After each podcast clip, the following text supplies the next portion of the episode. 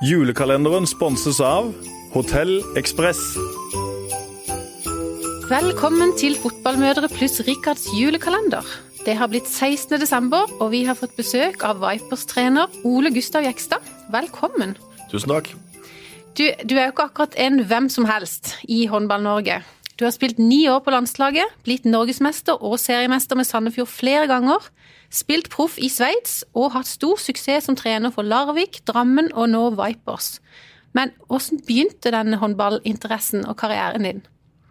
Ja, den begynte vel egentlig med at faren min spilte håndball. Han var ikke noe spesielt god håndballspiller, men han spilte nå. Eh, og så ble jeg interessert, og så begynte jeg egentlig å spille på tolvårslag som niåring. Det var ikke noe stor suksess, for de var mye større enn meg, mye sterkere enn meg. og det var ikke noe sånn særlig, Så jeg slutta igjen, begynte å spille fotball, og så gikk det vel et år eller to før jeg begynte å spille håndball igjen. og Derfra ut så har det vært veldig mye håndball. Eh, når jeg var sånn omtrent like stor som det jeg spilte med, så ble det gøy igjen. Og Sandefjord er jo en sånn håndballby. Eh, så veldig mange gutter spesielt begynner jo med fotball, men var det mange i din klasse som drev med håndball på den tida? Ja, veldig mange spilte håndball. Vi spilte jo håndball i hvert eneste friminutt. Uansett om det var fem minutter langt eller 25 minutter langt, spilte vi alltid håndball. Eh, de fleste av oss spilte fotball også, eh, men, men, veldig mange valgte etter hvert håndball. og eh, På den tida så var jo ikke Sandefjord noen håndballby, det har vel egentlig blitt det seinere. Og, og, og, så kan man diskutere om Sandefjord fortsatt er det. Nå er jo ingen lag helt oppe i toppen der, men det har vært stor interesse for håndball i Sandefjord gjennom veldig mange år. Mm. Og da du ble lansert som ny Vipers-trener tidligere i år, så hadde du vært ute av håndballen i noen år. Hva gjorde at du ville tilbake? Det, det, var litt rart, egentlig. For jeg følte at jeg var veldig ferdig med håndball da jeg ga meg i Larvik i 2015. Og så har jeg jobba med forsikring og prestasjonsutvikling i noen år. Og så eh, hadde du spurt meg for etter et år siden, så ville jeg vel sagt at nei, det er uaktuelt å komme tilbake til håndball. Um, men når du jobber med GDPR og personvern og jobber med 350 mennesker uh, i, i, med, med, sånne ting, så finner du fort ut at det er gøy med håndball å være litt nærmere resultatet og ikke bare jobbe som uh, si, byråkrat. Eh, så, så, det gjorde vel at jeg snudde litt, og så var det egentlig snakk om å finne et riktig prosjekt. og det syns jeg Vipers var. For det var veldig mye håndball som ikke var interessant. Det fant jeg i hvert fall ut. Og så er det jo himla fint på Sørlandet. Ikke sant? Men eh, stemmer det? Jeg leste at du og Nora Mørk har en sånn avtale om at dere ikke skal møtes som konkurrenter. er det sånn at vi da får se henne i rosa Viper-drakt etter hvert? Eller? Ja, det må jo bli alternativet. da. Hvis ikke så vil vi jo ses som konkurrenter. Nei, det var jo litt oppstandelse i den Larvik-leiren blant mine tidligere elever når jeg skulle trene Vipers. Det var mange som syntes at det var surt, så jeg fikk noen sånne for så vidt humoristiske, men ikke spesielt pene tekstmeldinger fra en del av de jeg har trent tidligere. Men nå er det jo nesten ingen igjen i Larvik som jeg har trent, så det, det, nå spiller det ikke så stor rolle. Men det var rart for mange eks-Larvik-spillere i hvert fall å se at jeg skulle trene et annet lag i Norge. Uh, uh, så ta gjerne mot Nora Mørk i rosa drakt. Altså, jeg har lansert den tanken. Men syns du det liksom, nå er, som du sier, det er kanskje ikke så mange spillere som du har trent, men syns du det er rart å møte Larvik, da? Nei, faktisk, faktisk, ikke. Eh, fordi at uh, nå består det laget av spillere som jeg, med unntak av Mari Moli, ikke har trent tidligere. Så nå, nå var ikke det så rart. Uh, det er klart at litt av hjertet mitt er fortsatt i Larvik, men, men, uh, men det er jo sånn at du binder deg til mennesket, ikke så mye til drakta og draktfarmen. sånn at det, akkurat nå så var det egentlig ikke mindre rart enn jeg hadde regna med å møte Larvik nå for første gang. Du har vært et halvår på Sørlandet. her. Hvordan har det vært? Var det som forventa å komme tilbake igjen til håndballen? Og... Ja, egentlig så var det jo det. Jeg, man er jo litt sånn usikker når man har vært borte i noen år. Uh, Eh, men jeg ser jo at det er ikke så mye som har forandra seg. Jeg har fortsatt eh, heldigvis, eh, tror jeg, de ferdighetene som skal til. Og så tror jeg at det er godt å være litt ute av det. Altså Prosessene man gjør i et forsikringsselskap er omtrent de samme som man gjør i håndball, bare at målet er litt forskjellig. Så det har vært deilig å være ute av håndball i noen år, og så er det godt å komme tilbake igjen. Og så syns jeg det er veldig, veldig bra med interessen som finnes her i Kristiansand og på Sørlandet.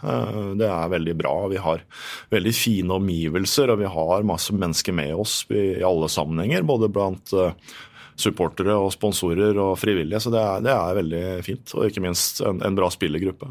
Ja, det er jo en by som er sultefòra på suksess, iallfall fra, fra fotballsida. Så der drar du vel med en del eh, gratis tilskuere over, kanskje?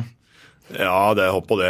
Jeg, jeg mener jo at uh, det, det, er plass for mange som lykkes i en såpass stor by, så, så, det håper jeg jo andre gjør også. Men, men det er klart at uh, vi får jo slåss for posisjonen vår og sørge for at vi vil jo gjerne være det mest attraktive laget i, regionen for, for, å jobbe for det. Men, men, eh, men konkurranse er fint. Syns du håndballen får den plassen den fortjener da, i byen og media?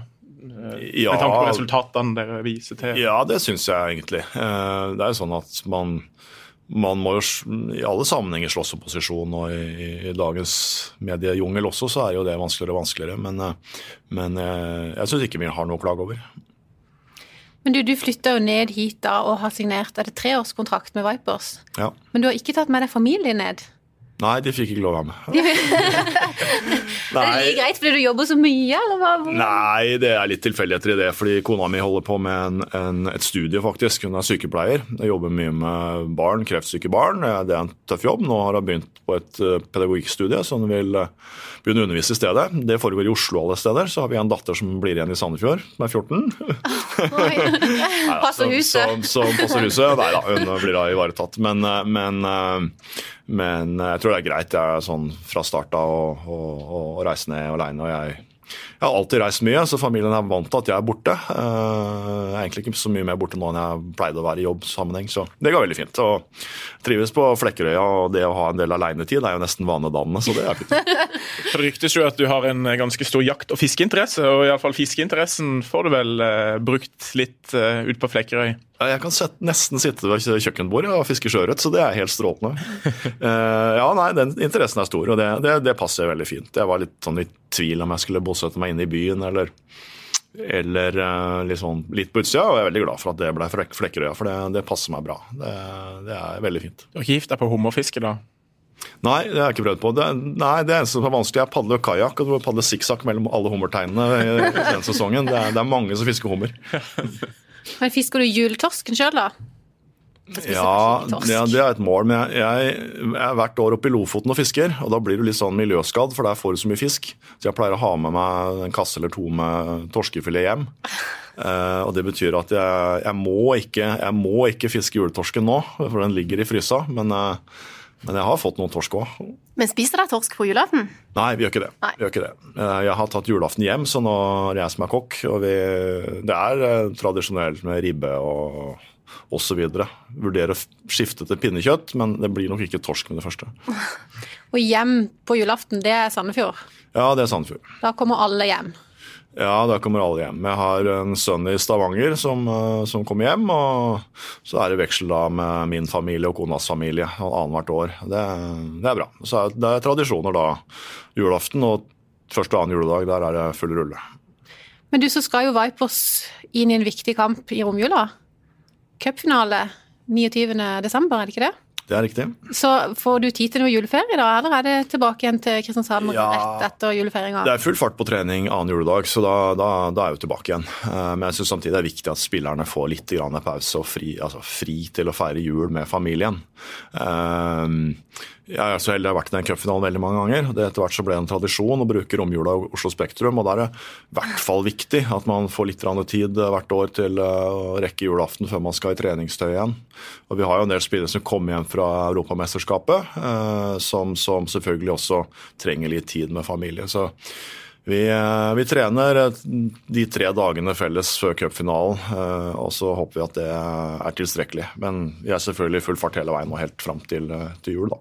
Og lang tid fra, fra, trener dere til lille julaften-type, eller? Nei, da, vi gjør ikke det. Så, så spillerne får fem, fem dager fri. Uh, altså, De skal selvfølgelig trene hver dag, sånn er det jo. Ja. Aldri, aldri, fri fra trening, men vi, vi trener ikke felles uh, i hele perioden. Nei.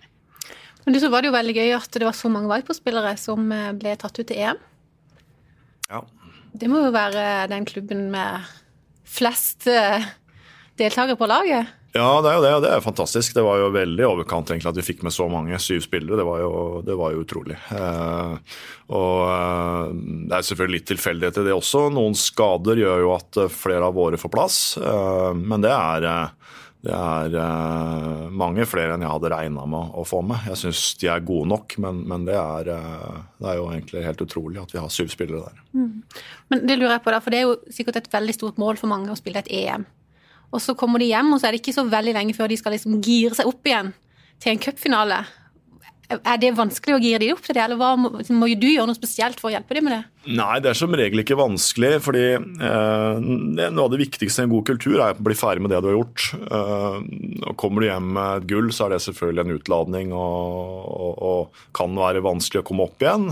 Kommer du hjem med en uh, dårlig plassering, så, så har du ofte en revansjelyst. Men det er litt av si, dynamikken i et, et, topplag det er å sørge for at spillerne skal vi si, nuller ut andre resultater så fort som mulig og blir klare igjen. Uh, det er en viktig del av det vi driver med. Du kan ikke kose deg for lenge med verken det ene eller andre, og du kan ikke deppe for lenge heller hvis det skulle gå dårlig. Så jeg tror det går bra, og en NM-finale er jo alltid motiverende. Men sånn supportermessig, har dere mange sånn trofaste supportere i Viper som reiser med der eh, steder? Ja, veldig mange. Altså, så vi har jo folk i rosa stort sett uansett hvor vi er hen. Eh, om det er i bortekamp i Norge eller i Europa. Eh, skulle selvfølgelig gjerne hatt med enda flere alltid, men, men eh, vi har en veldig fin kjerne som, som er der. Eh, og det, det, de er enten vi er i Bergen eller i Bucuresti eller hvor vi måtte være. Så det blir ganske mye rødt nei, rødt sier rosa i eh, Spektrum i Romjula?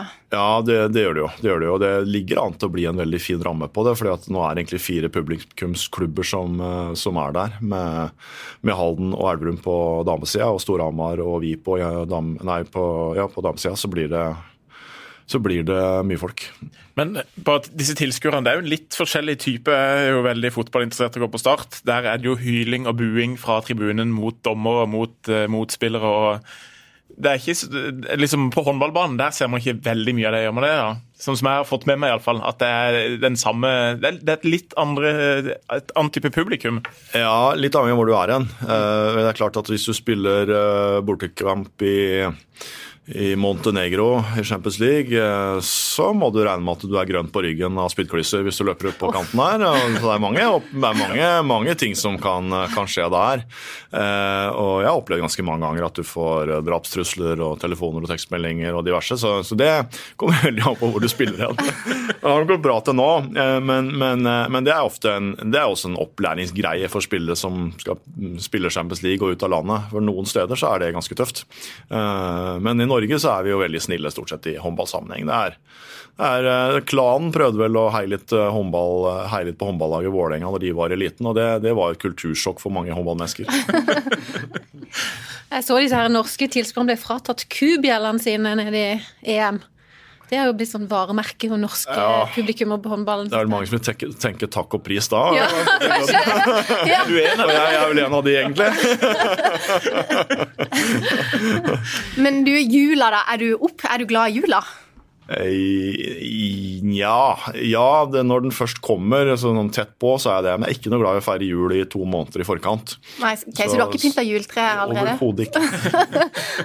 Men jeg har en kone som er veldig glad i jul, som gjerne vil ha inn juletre så tidlig som mulig. Jeg, jeg, for meg begynner jula stort sett uh, tre dager før julaften. Mm. Uh, og den varer ikke så lenge etter julaften heller, og det syns jeg holder. Ja. Men er du i rute med liksom julegaver og sånn, hvis du handler noe av de sjøl?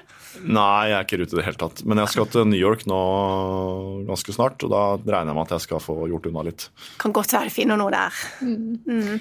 Og nyttårsaften, det kan jo bli en kjempe Det kan jo bli en kjempefest hvis det kampen den 29. Ja, som vi vil. det blir bra. Altså, nyttårsaften meg er en tradisjon. Det er hos et vennepar i, i Larvik som har utsikt over alt fyrverkeri. Så, og de er ute og reiser uh, før, før, jul hvert år. Kommer, ofte, kommer hjem til nyttårsaften og da har med mat fra det landet de har vært i. Uh, og nå er jeg litt usikker på hvilket land de er i akkurat nå, så jeg blir spent på, spent på hva, hva nyttårsaften blir denne gangen. ja. Du, eh, Ole Gustav Jekstad, det var utrolig koselig å ha deg som gjest i podkasten. Takk. Så ønsker vi deg en riktig god jul og masse lykke til med kampen i romjula. Tusen takk.